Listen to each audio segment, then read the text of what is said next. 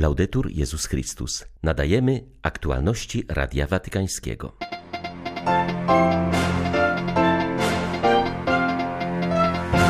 Papież ogłosił orędzie na najbliższy Światowy Dzień Młodzieży. Odbędzie się on w listopadzie na szczeblu lokalnym, jako przygotowanie do przyszłorocznego spotkania w Lizbonie. Rosjanie mszczą się na ludności cywilnej za straty ponoszone na froncie, mówi w dzisiejszym przesłaniu arcybiskup Światosław Szewczuk. Papież udaje się jutro w podróż apostolską do Kazachstanu. Dla katolików jest to wydarzenie historyczne, a dla świata kolejna szansa na pokój, uważa arcybiskup Tomasz Peta. 12 września witają Państwa ksiądz Tomasz Matyka i ksiądz Krzysztof Ołdakowski. Zapraszamy na serwis informacyjny.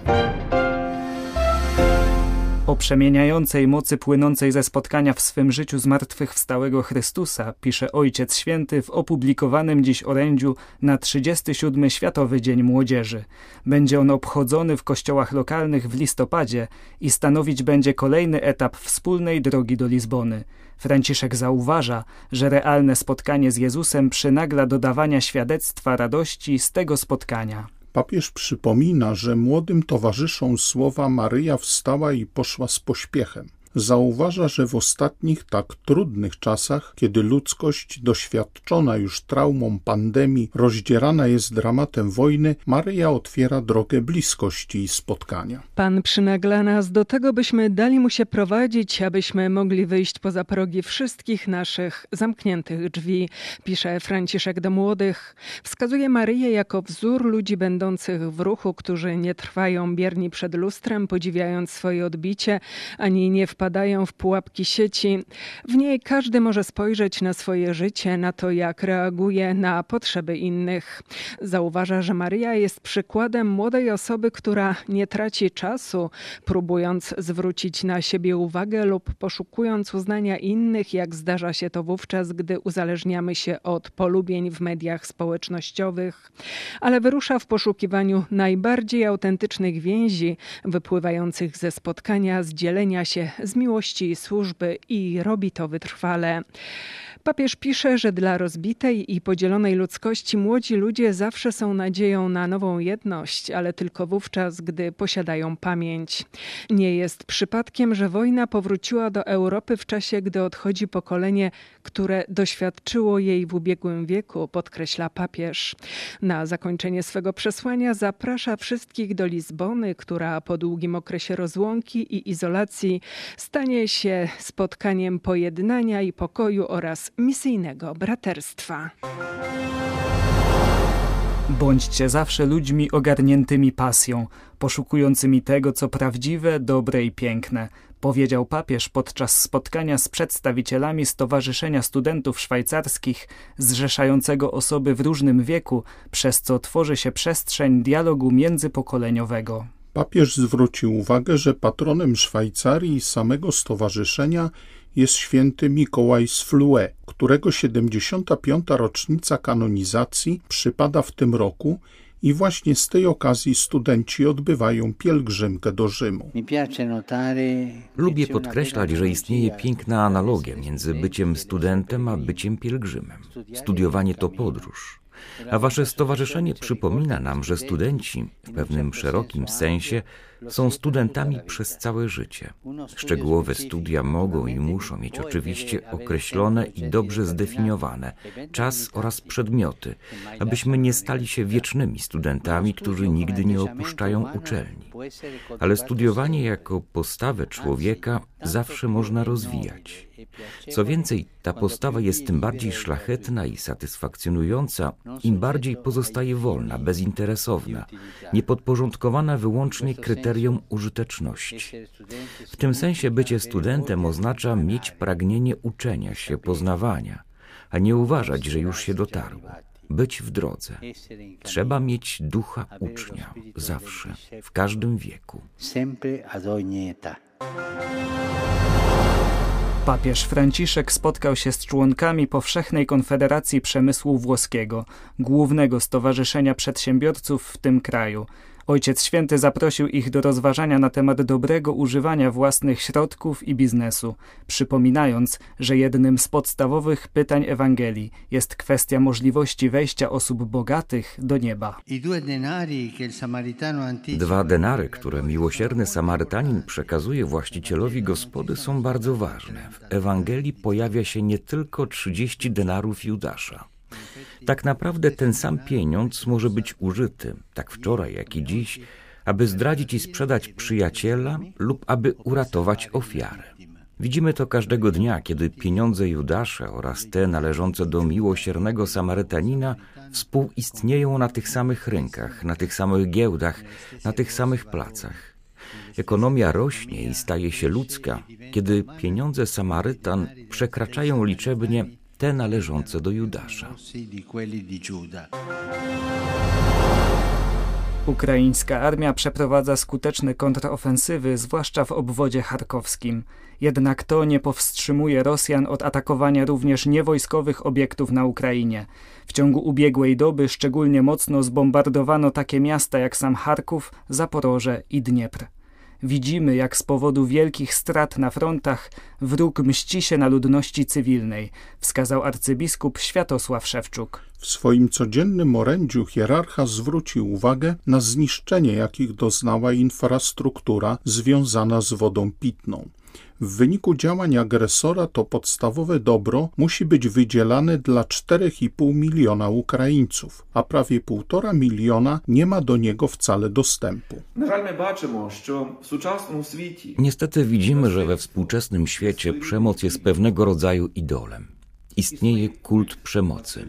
Ten, kto jest słaby, czasami próbuje narzucić drugiemu siłą swoje przekonania, swój sposób życia. My dzisiaj powinniśmy nie tylko szukać prawdy, ale umieć szanować prawo drugiego człowieka. Nikogo nie możemy zmusić siłą do naszych poglądów czy do naszego sposobu życia. Dziś widzimy, jak rosyjski agresor chce siłą narzucić Ukrainie i światu swoje dziwne ideologie. Siłą chce zmusić ludzi, aby byli szczęśliwi w przestrzeni ruskiego miru. I tu oczywiście nie chodzi o jakieś prawo czy szacunek względem dobra oraz prawdy. My jako chrześcijanie powinniśmy przeciwstawiać się wszelkim rodzajom przemocy fizycznej, psychicznej, moralnej, ekonomicznej lub innym jej typom, poprzez które można niesprawiedliwie odnosić się w stosunku do drugiego człowieka. Powinniśmy dbać o to, aby nawet w warunkach wojny nie pozwolić na przetworzenie przemocy w pewnego rodzaju idola, który może być wykorzystywany do osiągania swoich ekonomicznych lub politycznych albo geopolitycznych celów. Wizyta papieża w Kazachstanie jest dla naszej maleńkiej wspólnoty katolickiej wydarzeniem historycznym. Wierzymy, że to spotkanie ludzi różnych religii przybliży pokój i zakończy tragedię wojny na Ukrainie, mówi arcybiskup Tomasz Peta. Jest on arcybiskupem stolicy Kazachstanu, gdzie już jutro przybędzie Franciszek z okazji siódmego Kongresu Zwierzchników Światowych i Tradycyjnych Religii. Arcybiskup Peta, który rozpoczął posługę na tym terenie jeszcze przed odzyskaniem przez Kazachstan niepodległości, wskazuje, że kongresy są pokłosiem wizyty Jana Pawła II. Pierwszy odbył się w 2003 roku z inicjatywy pierwszego prezydenta Kazachstanu Nursultana Nazarbajewa, który uczestniczył we wszystkich dotychczasowych edycjach tego wydarzenia. W najbliższym kongresie weźmie udział 100 delegacji z 60 krajów. Myślę, że te kongresy są owocem pierwszej wizyty papieskiej w Kazachstanie. W 2001 roku ojciec święty Jan Paweł II odwiedził Kazachstan i wówczas w swoich homiliach, przemówieniach zwracał się nie tylko do katolików, ale do całego narodu Kazachstanu i mówił o misji, którą ma Kazachstan, być mostem między Europą a Azją, między religiami i kulturami. Prezydent pan Nazarbajew jakby zachwycił się i Ojcem Świętym, ale też tą pielgrzymką, która wielkie wrażenie wywarła i na prezydencji, i na całym narodzie. Te kongresy, one co dwa, trzy lata się odbywają i nie jest to czas na dyskusje teologiczne. Wartość tych spotkań polega na tym, że ludzie różnych religii, wszystkich religii światowych gromadzą się razem, aby ukazywać jak drogowskazy na Pana Boga, który jest jedynym prawdziwym źródłem pokoju. I obecność papieża Franciszka na zjeździe oczywiście podnosi w niezwykły sposób rangę tych kongresów. Arcybiskup Peta wskazuje, że cieniem na kongresie kładzie się wojna na Ukrainie. Jednak może on stać się krokiem w kierunku przywrócenia pokoju.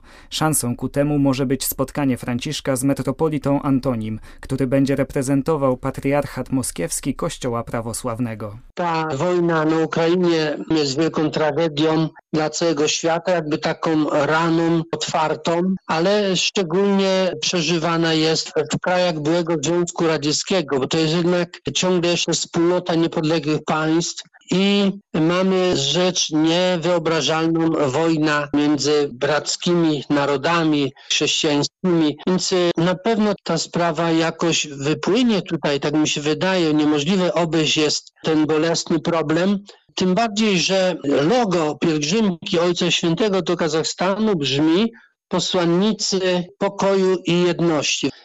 Jest wielka szansa, że to spotkanie przybliży pokój, zakończy tą tragedię wojny na Ukrainie. Siódmy Kongres Zwierzchników Światowych i Tradycyjnych Religii, na który jutro udaje się do Kazachstanu papież Franciszek, może się stać okazją do spotkania i dialogu na rzecz pokoju. Wskazuje na to kardynał Pietro Parolin. Przypomina, że kazachskie kongresy od samego początku wzorowały się na pokojowym spotkaniu religii w Asyżu, zorganizowanym z inicjatywy świętego Jana Pawła II. Rozmawiając z Radiem Watykańskim, kardynał Parolin przypomina, że wojna nigdy nie jest nieunikniona. Ma ona swoje korzenie w sercu człowieka, który pozwala, by powodowały nim rządza próżnej chwały, pycha, arogancja i chciwość, jak mawiali ojcowie Kościoła. Takie serce jest sercem zatwardziałym, niezdolnym do otwarcia się na innych. Wojny można uniknąć, robiąc krok do tyłu, odkładając na bok oskarżenia, groźby, przyczyny wzajemnej nieufności, mówi papieskiej rozgłośni kardynał Parolin. Niestety w dzisiejszych czasach umiejętność słuchania i wysiłek zrozumienia racji tych, którzy myślą inaczej niż my, zmniejszyły się na wszystkich szczeblach. Mam więc nadzieję, dodaje kardynał sekretarz stanu, że kolejny kongres w Kazachstanie stanie się okazją do spotkania i dialogu. W Kongresie Przywódców Światowych i Tradycyjnych Religii obok papieża Franciszka wezmą udział m.in. wielki imam Ahmed al-Tajeb, prawosławny patriarcha Jerozolimy Teofil III, a także przedstawiciel patriarchatu moskiewskiego metropolita Antoni. Jak zauważa Didar Temenow, przedstawiciel kazachskiego Ministerstwa Spraw Zagranicznych organizujący wydarzenie, żyjemy w świecie doświadczającym rozlicznych kryzysów, takich jak wojny, pandemia i klęski żywiołowe. W tym bardzo trudnym czasie religia powinna być fundamentem dla społeczeństwa. Oczywiście sam kongres nie może rozwiązać globalnych problemów i żaden z uczestników nie ma takich ambicji. Religia jednak odgrywa niezwykle istotną rolę w życiu miliardów ludzi na świecie. Jako taka często jest wykorzystywana w konfliktach politycznych. Liderzy religijni posiadają autorytet i wpływ, który pozwala im przyczyniać się do rozwiązania konfliktów na świecie. Należy więc promować dialog między nimi. Tak więc celem spotkania jest umocnienie międzynarodowej i międzywyznaniowej jedności na świecie. Jest to szczególnie ważne dziś, gdy żyjemy w niezwykle trudnym czasie. Były to aktualności Radia Watykańskiego. Laudetur Jezus Chrystus.